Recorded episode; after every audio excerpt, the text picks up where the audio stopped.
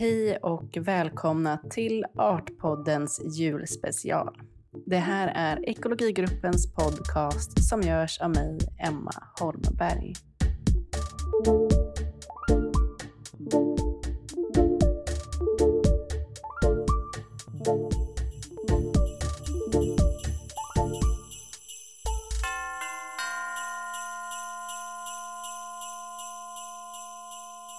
För några år sedan, år 2015, kom jag över en text i DN av den förre ärkebiskopen Antje Jackelén.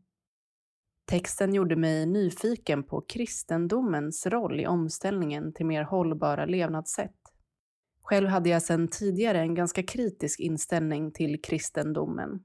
Särskilt i relation till den skapelseberättelse som presenteras i Första Mosebok där människan ses som skapelsens krona med uppgiften att underkasta och dominera alla andra arter på jorden. Antje Jackelén reflekterar över denna bild av människan, liksom bilden över naturen som helhet. Hon kontrasterar skapelseberättelsen i den första Moseboken med den andra, som istället betonar att vi människor är gjorda av både jord och gudomligt liv och att vi därför bör betraktas som trädgårdsskötare snarare än herrar.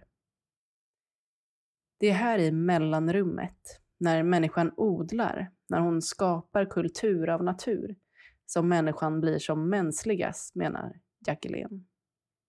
Hon beskriver även tron som ett mellanrumsfenomen. Tron, skriver hon, kan täppa igen det mångtydiga mellanrummet mellan total förnekelse och fullständig tillit antingen som naivitet eller som fanatism, vilket kan få dödliga konsekvenser för både människor och miljöer. Det är i mellanrummet, fortsätter hon, som Gud lät sig födas som både Gud och människa, vilket också är upprinnelsen till det vi firar just nu, advent och jul. Antje Jackelén menar att klimatutmaningen utan tvekan bör förstås som existentiell och andlig eftersom den berör människolivets grundbetingelser i djupaste bemärkelse. Och hon är inte den enda. I detta julspecialavsnitt av Artpodden kommer jag samtala med ytterligare en präst och teolog som ser tron som en mänsklig kraft som ger möjlighet till förändring. Till andra sätt att förstå människan och hennes tillvaro bland allt det mer än mänskliga. Petra Karlsson Rydell är professor i systematisk teologi och präst i Svenska kyrkan. Och hon kom tidigare i år ut med sin första bok på svenska, döpt efter Werner Aspenströms dikt Ikaros och gossen Gråsten. Här uppläst av Petra själv. Efter att ha läst 73 förträffliga dikter om Ikaros önskar jag lägga ett ord för hans lantliga kusin, gossen Gråsten, kvarlämnad på ängen. Jag talar också å en grästuvas vägnar som åtnjuter skugga och vindskydd. Efter att ha läst 73 dikter om flykt och om vingar önskar jag frambära min hyllning till fotsulan, den nedåtvända själen, Konsten att stanna och äga tyngd. Så som gossen Gråsten eller hans syster, hemmadottern fröken Granbuske, som glanslöst men evigt grönskar.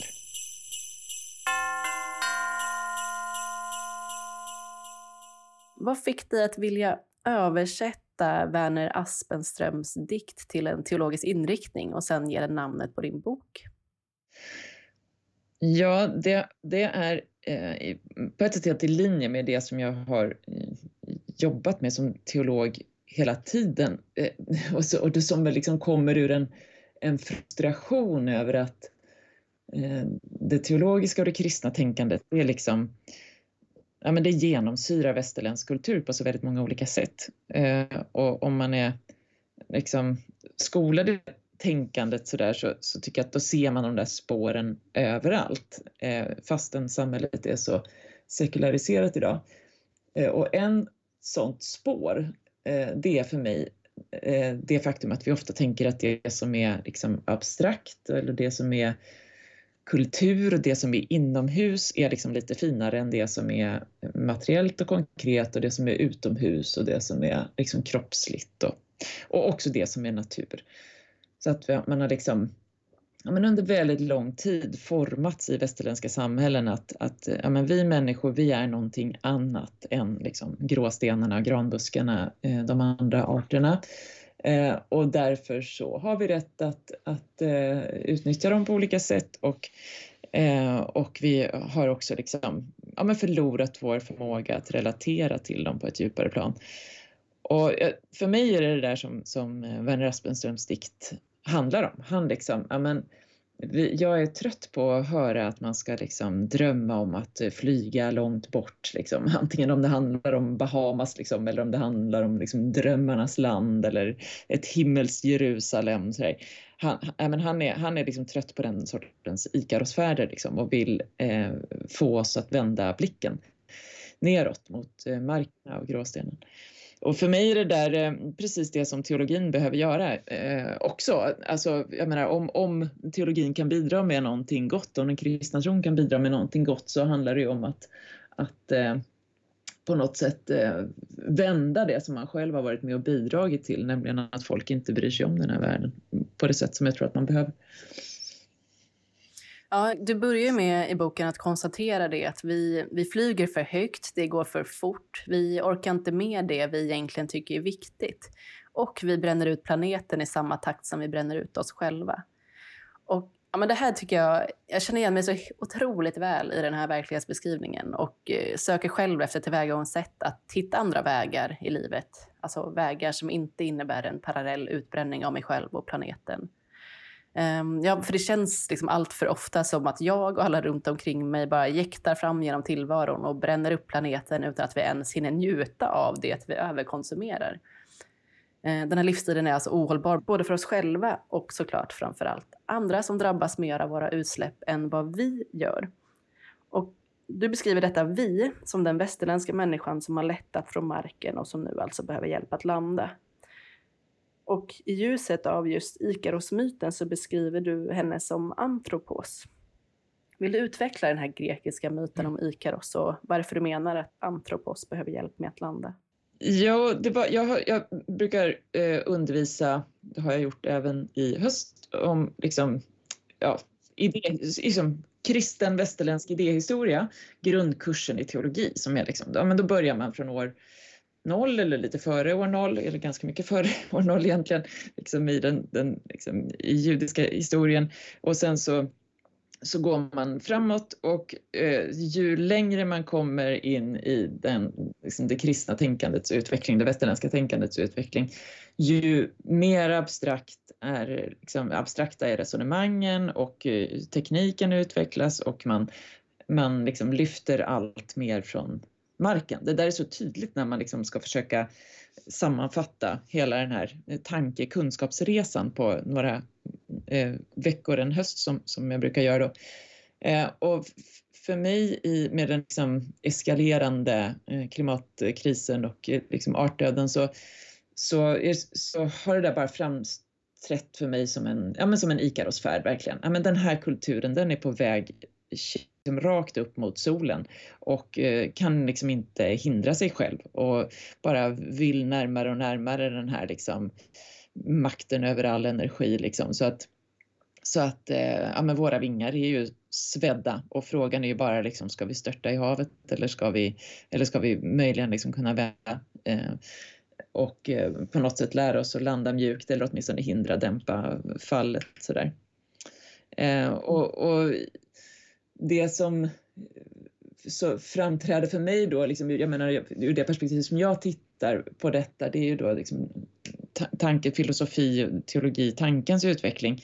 Då hänger det där ihop med just antropos, alltså att, att eh, människans att människan hamnar i centrum för själva kunskapsproduktionen. Liksom. Och då är det ju först en tanke om att, att liksom all kunskap, i, eller liksom, kunsk, liksom, idéhistoria så, så tror man ju att, att det är Gud som, som bär liksom, skapen. Så att man ska, för att förstå världen så måste man förstå Gud. Men sen så utvecklas ju det där under moderniteten till att man tänker att så här, ja, men det, nej, man, det är människan, det är ju vi som har liksom, det är vi som tittar på världen. Vi måste ju förstå oss själva för att kunna förstå hur, hur eh, världen eh, ter sig för oss. Och. Och det där gör ju att, att eh, människan hamnar i centrum. Det blir liksom alltid människans perspektiv på allting. Och man ser det i konsten, liksom, man, man ska måla saker ur, ur en människas synvinkel. Liksom eh, är ju det här liksom, renässansperspektivet som växer fram. Så, där. så att den här människan, antropos, eh, hamnar i centrum på så, ja, för vår liksom grundförståelse för vad verklighet är. Eh, och för mig så, så är, är det där liksom precis ett, eh, ja, men det som är liksom tecknet på och på något sätt boven som, som gör att vi att vi då distanserar oss från allting annat. Vi liksom blir inneslutna i vår egen lilla kapsel liksom och, och förstår inte hur beroende vi är av allt annat. Nej, Nej det är kul att du nämner det med att synen på människan eh, i centrum liksom kan vara boven i sammanhanget. Men för, för jag har då eh, ganska länge, om jag ska vara helt ärlig, tänkt lite på kristendomen som en bov i sammanhanget bakom den, just den västerländska föreställningen av människan som fristående naturen och istället då härskar utav den. Och inte minst då på grund av det som står i första Moseboken. Eh, där står ju som du säkert känner till då att, eh, att Gud då efter att ha skapat allt jordens liv ger dessa liv till människorna som är skapta efter Guds avbild att härska över. Det står var fruktsamma och föröka er, uppfyll jorden och lägg den under er, härska över havets fiskar och himlens fåglar och över alla djur som myllrar på jorden. Och jag menar inte att skylla allt på kristendomen här, men jag tror inte att jag är den enda som spontant känner att eh, det verkar svårt att förena Mosebokens berättelse om hur Gud skapar världen med då den här önskan om att landa på marken igen. Hur stora förändringar av kristendomen är nödvändiga för att så att säga läka de svedda vingarna? Nej, och det, det, är precis det där som gör, alltså jag, jag är ju eh, den första att skriva under på att, att kristendomen är en stor bov i dramat. Och det tror jag verkligen. Och det är därför jag tror också att det är just, eh, eller alltså att teologer också är viktiga i den ekologiska omställningen. För att jag tror att, att det är så mycket av de här grundföreställningarna som ja, men som finns eh, i vår kultur men som, man, som eh, på många sätt har liksom sekulariserats så att de har tagit sig andra former men det är fortfarande någon slags liksom grundläggande teologisk tankestruktur väldigt mycket som, som styr oss och då är det just den där typen av tolkning av, av eh, den där Moseberättelsen. Det, var, det är ju en, en översättning det där som, som eh, sen har eh, bli, gjorts annorlunda och som också tidigare har gjorts annorlunda. Att det handlar inte alls om att härska över, liksom, skulle mina så här, exegetiska bibelvetarvänner säga att det där är, liksom, det är fel översättning. Och så här. Men, men det har ju egentligen mindre betydelse för, för att det är ändå så att att den texten har funkat på det sättet och man har sett människan som skapelsens krona liksom och, och det är ju det som har bidragit till att, att ja, människan sen också i tänkandet har blivit just skapelsens krona liksom. Det, det, så är det ju.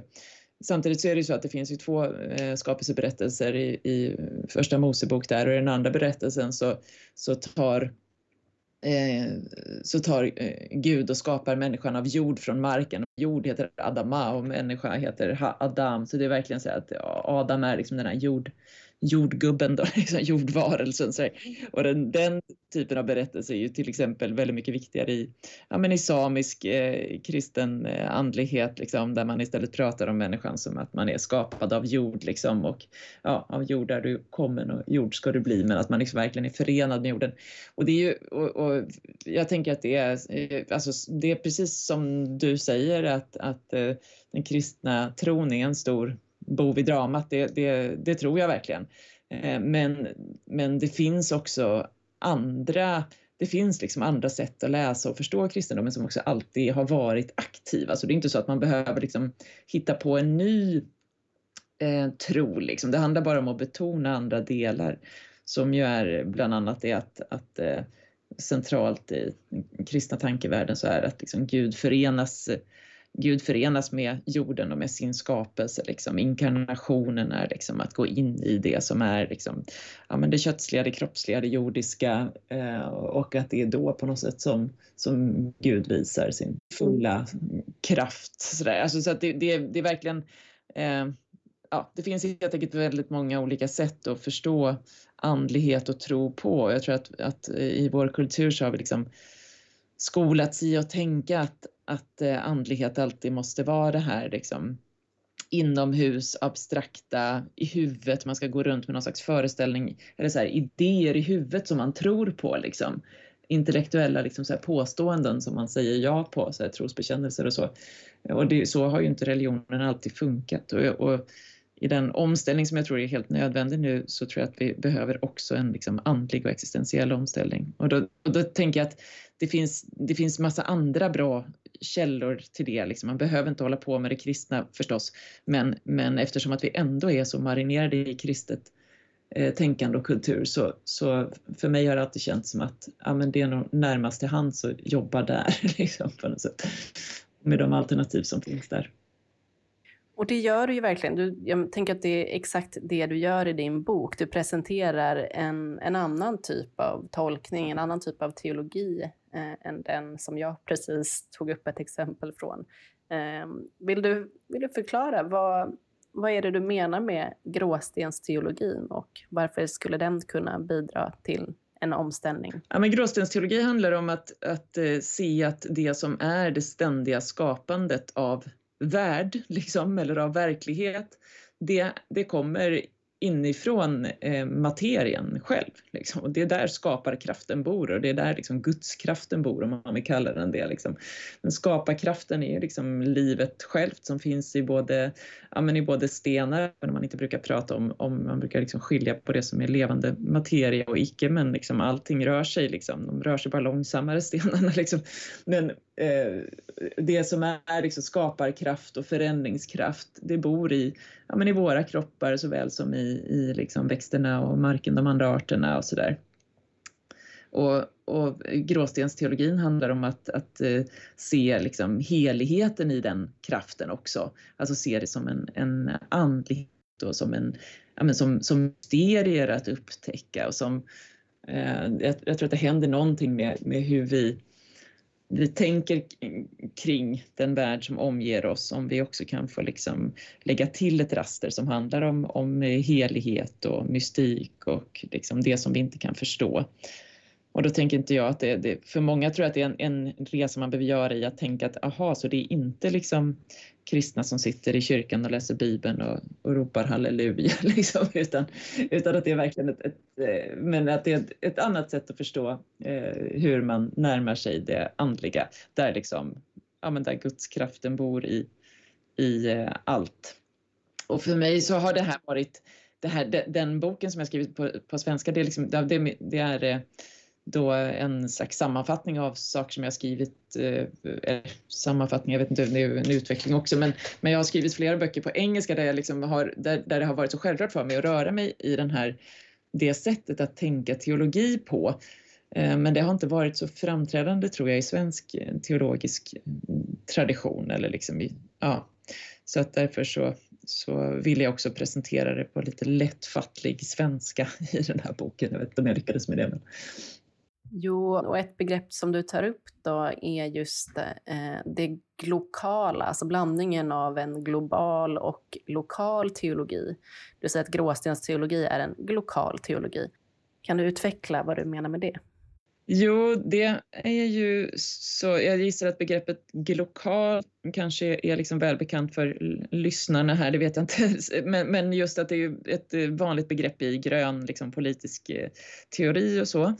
Och det är ju som du säger det här liksom enkla men geniala att koppla ihop liksom att varje, varje plats har del i den globala helheten men, men vi är alltid liksom på en lokal plats. Det, det, liksom, det finns den här universella människan som är överallt. Liksom. Eh, hon finns ju inte, den här antropos, liksom, Ikaros-människan som kan skåda världen utifrån och se hur och hitta lösningen på klimatkrisen. Liksom. Hon finns ju inte. Utan det finns bara människoapor liksom på olika platser precis som, som vi. Liksom.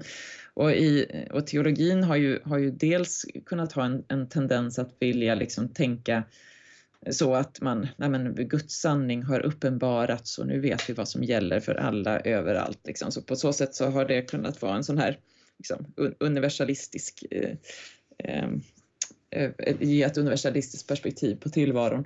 Men dessutom så finns det i teologin eh, Eh, en, eh, liksom, ja, samma typ av egentligen kamp som i politiken. Liksom att antingen så ska man liksom värna sina egna Eh, liksom, eller bara så här, den egna kristna gemenskapen. Precis som man kan tänka att man ska bara värna det egna landet, liksom, sätta upp murar till andra länder. Eh, eller så, så tänker man att nej, men alla är välkomna och det liksom Eh, vi är så kosmopoliter och, och, vi rör oss över hela jorden och, och liksom sådär. Eh, och det lokala, både som ett politiskt och som ett teologiskt alternativ, det, det visar ju liksom på, de, liksom, på det, ja, men det enkla faktum att vi, var, var vi än befinner oss så hänger vi ihop med hela världen. Liksom bara gissar jag de kläder som du och jag har på oss idag, även om vi kanske försöker välja ekologiska liksom, material så, så är det förmodligen så att de har gett utsläpp liksom i typ över hela jorden. Liksom. Eh, och så att varje liksom, liv på den här planeten hänger ihop med allt annat och också liksom, i ekosystemen. Så där. Om man tänker det lokala teologiskt och andligt så är det också ett eh, så liksom vilar ett djupt mysterium men också en känsla av gemenskap där att jag som som varelse hänger ihop med allting annat och jag kan i slutändan inte överblicka. Jag har det liksom övergår mitt förstånd verkligen. Det är liksom bortom mitt, för, mitt förnufts gränser att kunna förstå hur jag hänger samman med allt annat och på så sätt så är jag liksom också del i en större gemenskap som jag inte kan se slutet på. Men den gemenskapen börjar alltid här, liksom, där jag är, så att säga. Liksom där, där något liv på jorden är, så har det liksom, eh, ja, så finns också den här liksom nära gemenskapen, vilket gör att det spelar stor roll vad jag gör i mina, ja, i, i min närhet. Liksom. Det, det är där min, eh, mitt livs mysterium tar sin början, så att säga. Mm. Och här tycker jag att du börjar utveckla ett väldigt intressant resonemang som eh, ja, till exempel så ställer du frågan kan teologi och andlighet utmana människocentreringen i vår bild av verkligheten? Ehm, och du uttrycker en ståndpunkt att ett lokalt teologiskt alternativ kan bidra till att vidga det teologiska tänkandet att innesluta fler arter än människan till den mer än mänskliga världen. Ehm, vill du utveckla vad du menar med det? Ja, precis. För mig så att inkludera mer än ett mänskligt vi, det har också i, i så här, kristna sammanhang en, en, viktig poäng i att man ofta talar, man kan ju ofta tala om, om solidaritet och i liksom, kristna sammanhang så finns det en, en stark eh, solidaritetsrörelse som handlar om att eh, både liksom verka för ökat bistånd och, och så, men det, men det Eh, har ofta handlat om andra människor och det har ofta handlat om medmänniskan liksom, som man pratar om i kristna sammanhang. Att bry sig om sin medmänniska. Men nu börjar man alltmer prata om medvarelser eh, också och eh, så att, att liksom vilja vidga viet och i det lokala om jag tänker att, att eh, jag här på min tomt liksom, vad är det för ett vi som bor här? Är det, är det jag och min familj? Eller är det jag och liksom alla gråsuggorna som uh, håller till här och liksom fåglarna i träden? Och, och vad händer om det är ett sånt vi liksom, där, där några av oss då har, har liksom koloniserat en mark som andra eh, också har som sin sådär, ja men då händer det någonting med hur jag tänker kring min närvaro i mitt eh, lokala universum som, som i sin tur då hänger ihop med det lokala. Och, och, eh, och när den, den typen av gemenskap också får bli, bli liksom, om jag tänker att det är, att det är gudskraften då som verkar i de här de här stackars blåmesarna som alltid får kämpa för att vi har en katt nämligen i vårt eh, träd som alltid vill liksom, ja, stoppa in tassen i deras holk. Men i alla fall, eh, de, om de eh, också då är bärare av den här liksom eh, skaparkraften, gudskraften, livskraften som finns i hela universum och som allting liksom, eh, som, som jag är beroende av och alla vi är beroende av tillsammans. Ja, men då händer någonting med blicken. Det är fortfarande samma verklighet men det är en lite, annat, en lite annan blick och ett lite annan typ av kanske vördnad i förhållande till det här viet då. Det är mer än mänskliga viet där, eh, där vi också, liksom människoapor kan få ingå. Ja, och en person som du tar upp i boken som just eh, beskriver den här blicken som betydelsefull i sammanhanget är Emilia Fågelklo. Du skriver att eh, att vara troende handlar för henne om att uppöva blicken och närvaron, att ha ögon och se med och en innerlig och empatisk närvaro i världen.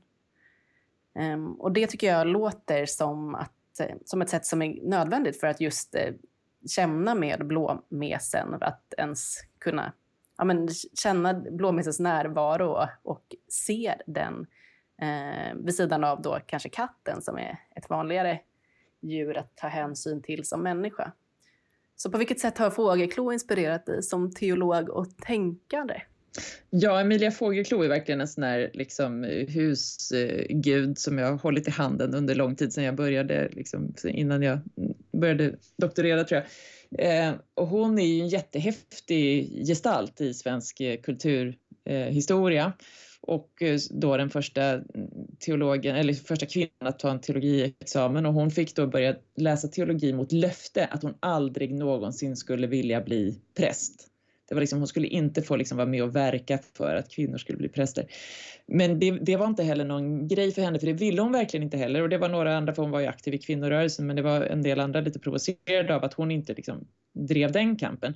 Men för henne var just, och det hänger ihop med liksom hennes, hennes världsbild och hennes andlighet, att att vara präst, det är liksom att distansera sig från ja, men blåmesen och verkligheten. Liksom. Det är helt att här, stå inomhus och att stå liksom på avstånd, kanske i en sån här predikstol lite ovanför folks huvuden. Det, är liksom, nej men det gör inte andliga människor menar hon. Liksom. Hon är verkligen så aktivt och menar att en djupt andlig människa kan inte vara präst. Det är liksom hennes hållning. Men det som är häftigt också är att hon beskriver, alltså det som är häftigt ur ekologiskt perspektiv, nu är inte hon, hon är ju inte hon är inte så uttalat ekologisk egentligen, liksom, men det blir, för mig så blir hon blir det ändå konsekvensen av hennes tänkande. Eh, är för mig ett annat sätt att relatera till hela naturen och verkligheten. Men det, hon beskriver då eh, en stark upplevelse som hon hade och många andra i liksom, teologiska andliga sammanhang skulle nog tala om det som en liksom, andlig uppenbarelse men hon kallar det istället en verklighetsupptäckt. Och för henne så är det en väldigt viktig poäng att göra att det är inte liksom någon någon sanning bortom den här världen som visar sig för henne utan när hon får sin stora insikt i livet när hon är ganska ung då handlar det om att verkligheten uppenbarar sig för henne. Träden som hon har omkring sig och dofterna och ljuden och liksom det är som om den här, hon beskriver det som att det är liksom en hinna som som faller, liksom som lyfts så att hon plötsligt kan se den värld som hon är en del av. Och sen så skriver hon också att resten av sitt liv, hon skriver 43 böcker och allt handlar om att liksom visa på verklighetsupptäckten. Få människor som hon säger att ställa om blicken, att se vad det är man är en del av och se att det är det, är det här livet som är magiskt. Liksom. Det, är här, det är här vi är och det, och det är här som de djupa mysterierna finns. Liksom. Det handlar om hur vi relaterar.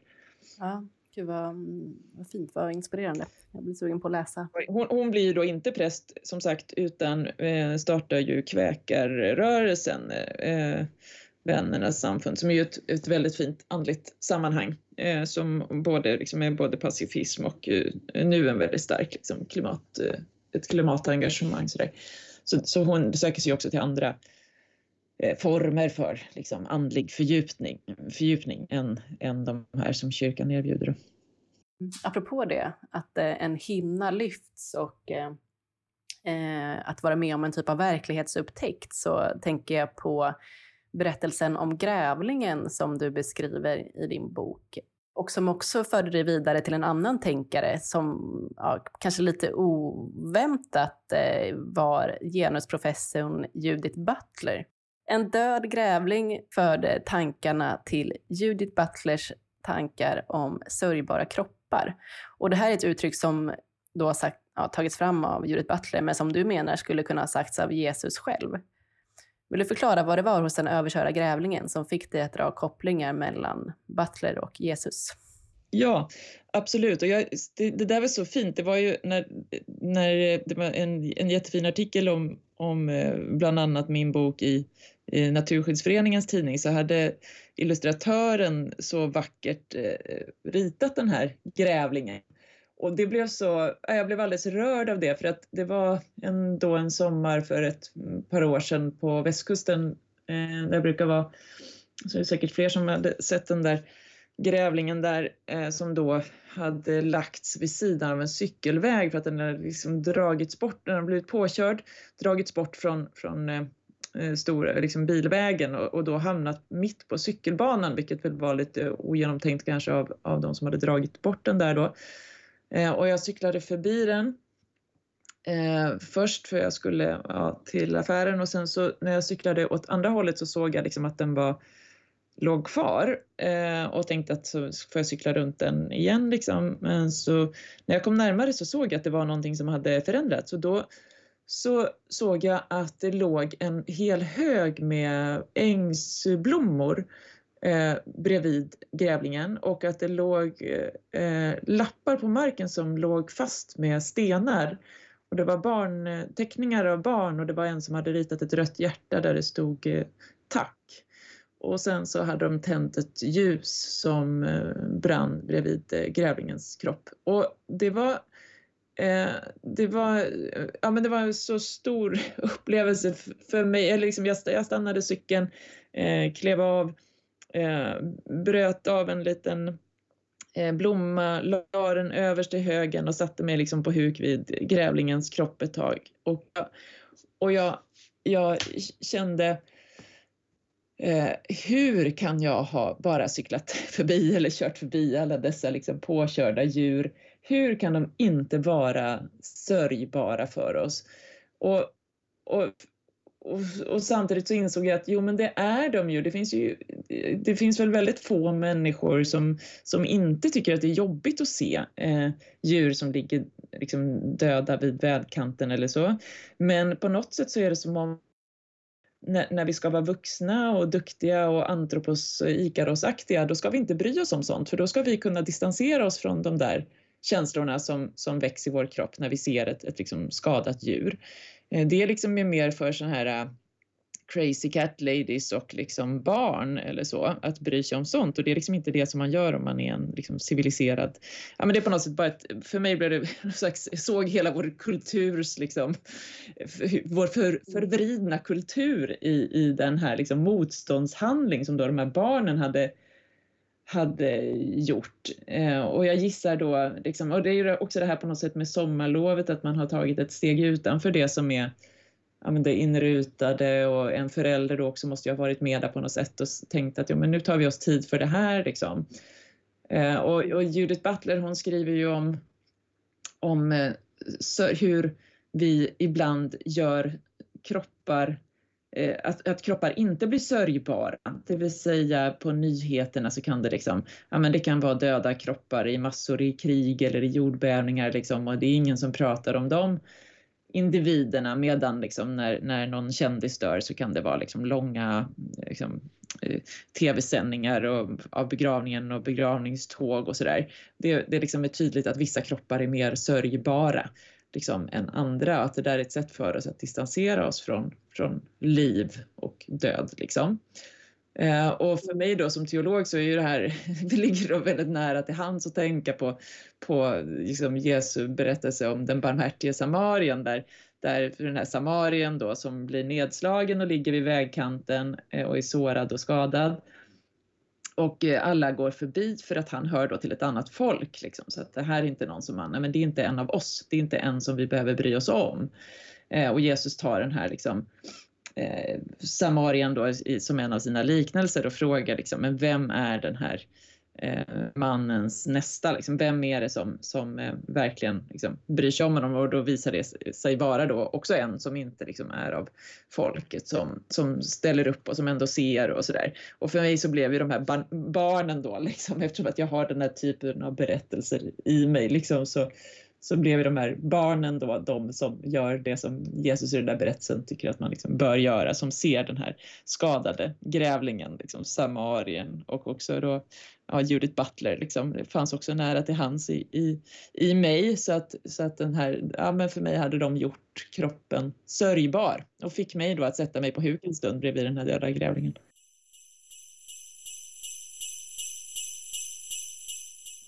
Du tar egentligen upp flera exempel på filosofer som har fungerat som inspirationskällor till dig. Men ett exempel som jag också tyckte var intressant var Michel Foucault som du citerar på många olika sätt. Ehm, du skriver att särskilt hans konstanalyser har gett dig nya förståelser av teologin och dess möjligheter att förändra världen. Vill du utveckla på vilket sätt de har gjort det? Ja, det, jag, Foucault är ju, jag, alltså, jag är ju forskare liksom och har skrivit då, eh, två böcker om honom och hans, så, så att han har liksom verkligen följt med mig eh, alltid och för mig är det hans sätt att, eller det han har gett mig i en liksom vidare mening är ju den här blicken på vad är det för typ av kunskap som värderas i en viss tid och vad, vad, vad är det vi kallar kunskap liksom. Och till exempel då det här att, att man inte ska bry sig om döda djur vid vägkanten. Det är ju någonting som är del av liksom vår diskurs, liksom, eller den kulturen vi har skapat. Och det hade kunnat se annorlunda ut. Det är det jag tycker att han har liksom, han finns med som en sån här påminnelse om att men det kan vara annorlunda liksom, i hur vi relaterar till världen. Och, och för honom så blir konsten viktig därför att han, eh, han i mötet med med konsten kan se att konstnärerna kan liksom låta, ja, men låta världen, liksom materialet de använder berätta för dem om vad som är möjligt att göra i världen. Liksom. Det behöver inte vara så att, att det finns en, en intention som konstnären styr, liksom, utan verket och konsten och materien, materialen skapar verklighet. Liksom. Och, och, för honom så blir det där liksom ett helt annat sätt att förstå vad, vad kunskap är, om det är någonting som hela tiden liksom skapas omkring oss. Världen uttrycker sig och världen vill berätta saker för oss. Då är det någonting annat än att vi tänker att vi är på någon slags kunskapsjakt där vi ska liksom lägga saker under oss för att förstå dem och liksom kontrollera, mäta, väga. Så där. Det blir ett helt annat sätt att förstå ja, hela, hela vår roll i tillvaron. Liksom. Mm. Men du tar också upp eh, hans bok Orden och tingen eh, där Foucault då utvecklar ett resonemang om hur synen på kunskap förändras genom historien. Och Foucault verkar då under 1960-talet se en rörelse bort då från den västerländska synen på kunskap som centrerad kring det mänskliga språket som beskriver allt annat, alltså tingen, materien i kropparna, som språkets och kunskapens objekt. Och istället menar Foucault då skriver du i boken här, att eh, han manar till att eh, försöka blicka bortom språkets gräns. Och han verkar då drömma om en annan värld där tingen, kropparna, gråstenarna, bäckarna och granbuskarna inte ska behöva översättas till människospråk. Alltså få ett namn, ett ord för att räknas. Eh, både orden och tingen förstås då istället som performativa. Alltså det bidrar till att skapa verkligheten. Och här tycker jag du gör en intressant koppling mellan Foucaults tankar och den samiska poeten Paulus Utse som i flera av sina dikter just försöker nå bortom en värld där människospråket bär den yttersta sanningen. Du skriver att han manar till att våga ge sig iväg dit kunskapen inte bärs av ord utan av träd, vind, ljus och bladverk. Och då undrar jag, på vilket sätt är den här kunskapssynen relevant för gråstensteologin? Ja, men det är ju, för oss så, vi är så vana att sätta människan i centrum för kunskapen och på, på olika sätt och för centrum för hela, ja, men för hela världen. Men det kanske mest eh, synliga men också det svår, liksom mest svår, eh, alltså det som är svårast att komma ifrån vad gäller det där, det, det handlar ju om språket. Att ja, men språk är det sätt som vi förstår världen på och, och, det mänskliga språket är liksom, ja men det är vårt sätt att, att tolka saker och, och eh, förstå saker igenom liksom. Eh, men vad, vad händer om vi börjar tänka kring så här, språkets gränser? Foucault skriver bland annat om den här Magrittes liksom, berömda pipa, liksom, när, när Magritte målar liksom, en pipa, alltså den här surrealistiska konstnären. Det här är en så här grej som brukar finnas på vykort och så här, många har sett den. Eh, och så står det under, det här är inte en pipa på franska. Då. Jo, det geniala med det här liksom att detta är inte en pipa fast den är en, helt uppenbart en pipa. Det är ju bara att säga att men, våra ord kan aldrig liksom fånga djupet av tingen. Liksom. Tingen förblir mysterier för oss. De, de verkar bortom vår vår kontroll och vår fattningsförmåga, även om jag försöker exakt definiera för dig vad jag menar med någonting, så kommer det ändå att liksom, det där, det där något som vi försöker fånga, det kommer ändå alltid att liksom leva sitt eget liv i, i någon mån. Och för mig så är, är den, den, samiske poeten Paulus Utsi, han, han har liksom ett, ett sätt att beskriva eh, naturen som liksom skiljer sig från den här liksom naturlyriken som finns hos en del andra som så här Hjalmar Gullberg eller, eller liksom, ja, vilka är det nu, Geijer eller de här liksom andra så här stora liksom, som kan vara nationalromantiska men också liksom, naturromantiska poeterna. Men för, för Paulus Utz så, så är det mer som att, eh, att liksom bladen, han kan ibland ge, liksom, han, han skriver så här, lekfulla ljuset och då är det stort L, liksom, som att men, ljuset som leker i bladverken, liksom, det, det är någonting eh, annat än jag. Liksom det, och det är någonting annat än, än språk, alltså, eller det har sitt eget språk och sitt eget uttryck. Eh, och om man börjar tänka att, man, att att språket är bara, men det, är bara, det mänskliga språket är bara en liten del av verkligheten. Bortom vårt språk så finns det tusen olika språk och tusen olika sätt att uttrycka sig och kommunicera liksom bland, bland insekter och växter och och, och då, det bygger ju liksom in en, en ödmjukhet eh, i förhållande till världen men också en stor förundran tänker jag. Jag liksom talar om det som tingens mystik i en, en av mina engelska Eh, så att eh, där liksom själva livets djupa mysterier börjar där vårt språk tar slut. Liksom. Eh, och det är naturligtvis så att då, då när man rör sig vid språkets gräns, ja, men då börjar man närma sig det som är eh, andlighet och det som är eh, andliga praktiker. Liksom, eh, där, där, man inte längre liksom med, med förnuftets hjälp kan kontrollera saker. Och den här tingens mystik, eh, men också längtan till att låta det materiella och kropparna själva finnas till utanför människans namn eller ord för de här kropparna, utvecklar du sedan vidare i boken med hjälp av bland annat fysikern och filosofen Karen Barad. Kan du förklara hur Barads forskning om intraaktivitet enligt dig kan bidra till att förändra då människans relation till sina omgivningar i enlighet med gråstensteologin? Ja, men det, med intraaktivitet så så försöker hon få oss att tänka annorlunda kring hur vi relaterar till andra saker. För man brukar kunna tänka sig att men jag, eh, jag väljer att liksom engagera mig i naturen, liksom klimatet eller inte. Liksom. Så, så, liksom, den tankefiguren funkar på något sätt i vår kultur. Man skulle kunna säga så utan att verka märklig. Man kan också säga att jag ska gå ut i naturen. Liksom. Eh, och att man kan säga det, det är ju ett tecken på att jag tror att jag inte alltid är i naturen och jag tror att jag kan inte engagera mig, det vill säga liksom bara inte förhålla mig till liksom det som är det ekologiska, ja, men det ekosystem jag är en del av. Sådär.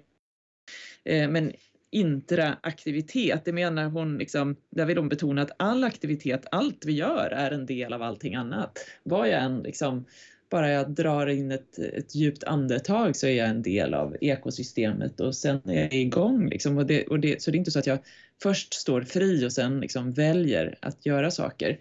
Men det där, den tankefiguren att man, man tänker att det finns en slags fri människa, liksom, den har ju vuxit fram i västerländskt tänkande Eh, Eh, men, men hon menar att vi behöver tänka om den och hon är ju fysiker och för henne är det helt uppenbart att, vi, att allting hänger samman sådär.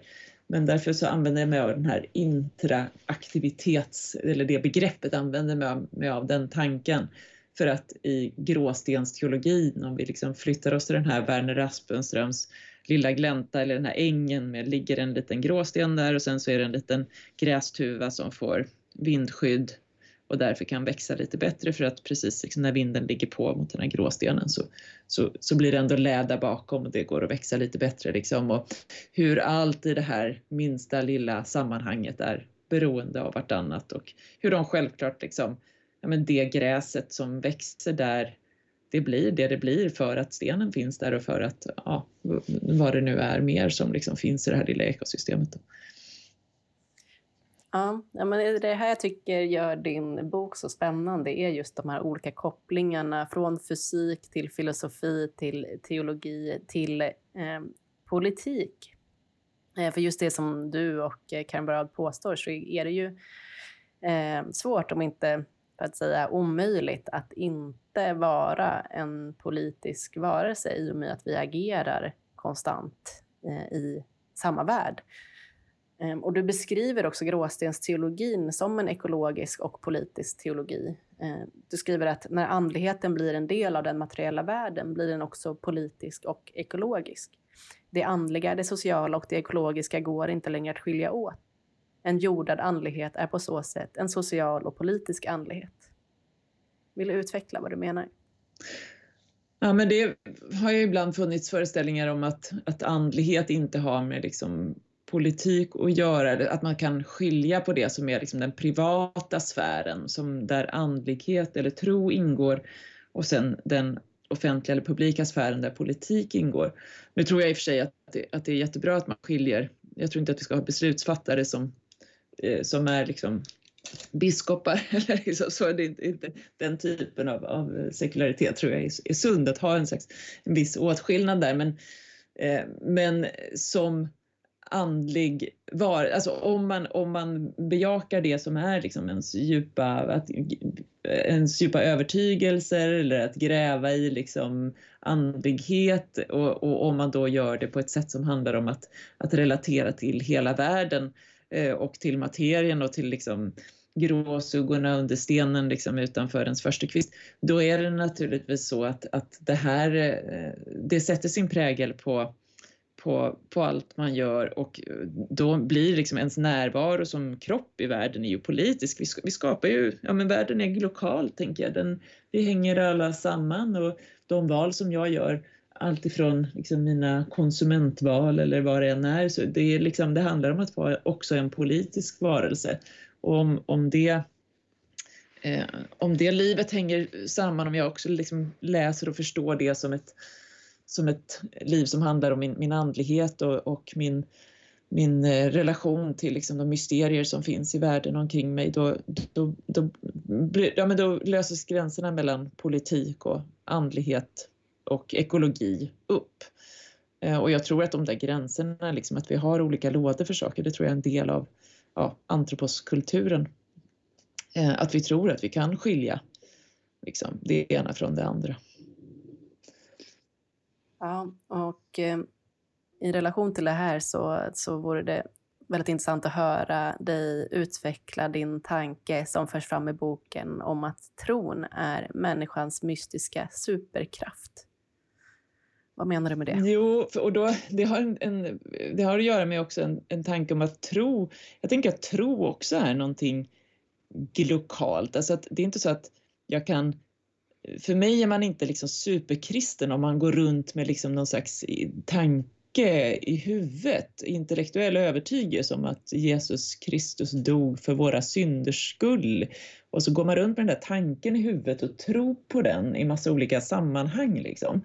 Det är inte vad jag tänker är en kristen tro liksom, som någon slags mystik superkraft, utan det handlar ju om att just vara en andlig varelse i det rum där du befinner dig i, men att också då kunna röra dig mellan i olika rum. Liksom. Att när jag är i det här ekosystemet så, så, så är jag liksom en del av det och, och liksom ser de mystika liksom, kopplingarna och gudskraftens närvaro eh, i, i det sammanhang jag är i. Och där var ju också liksom Jesus en förebild på så sätt att han var inte någon som skrev ner någon abstrakt lära liksom, utan han rörde sig över 20 mil liksom eh, traskandes eh, under tre års tid och skapade relationer liksom och var ju inte så att, så att eh, ja, i, i den meningen är han för mig också någon slags lokal liksom, eh, karaktär.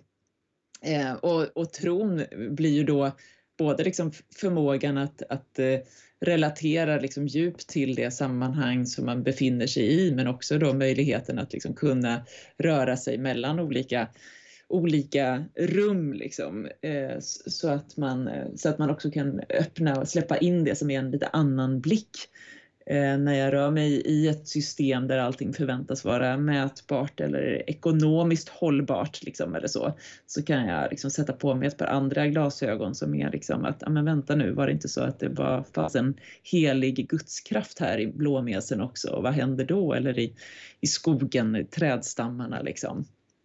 Ehm, och, då, och det tänker jag är verkligen en, en superkraft eh, som man alltid kan ha med sig. Och då är det inte att jag alltid har med mig en tanke om att Jesus Kristus dog för mina synders skull, utan en tanke om en liksom, Guds närvaro liksom, i, i allting som gör att jag kan kan, ja, men jag har liksom ett lite annat värderingssystem som, som kan ge mig kraft att göra motstånd och, och kraft att kritisera och, eh, men också liksom som kan ge mig stunder av andakt liksom, i vardagen. Och jag tror att alla har det där. Liksom. Sen tolkar man det liksom på olika sätt. Men. Ja, och ifall folk inte har eh, köpt sina julklappar ännu, apropå konsumismen, så, och om man vill öva upp den här superkraften så tipsar jag om eh, Petra Karlsson Redells bok Gråstensteologin nu då. Ehm, och allra sist, det här är ju ändå ett julspecialavsnitt Petra, så jag tänkte fråga dig eh, kommer du att fira en gråstensjul? Hur ser i så fall en sån ut?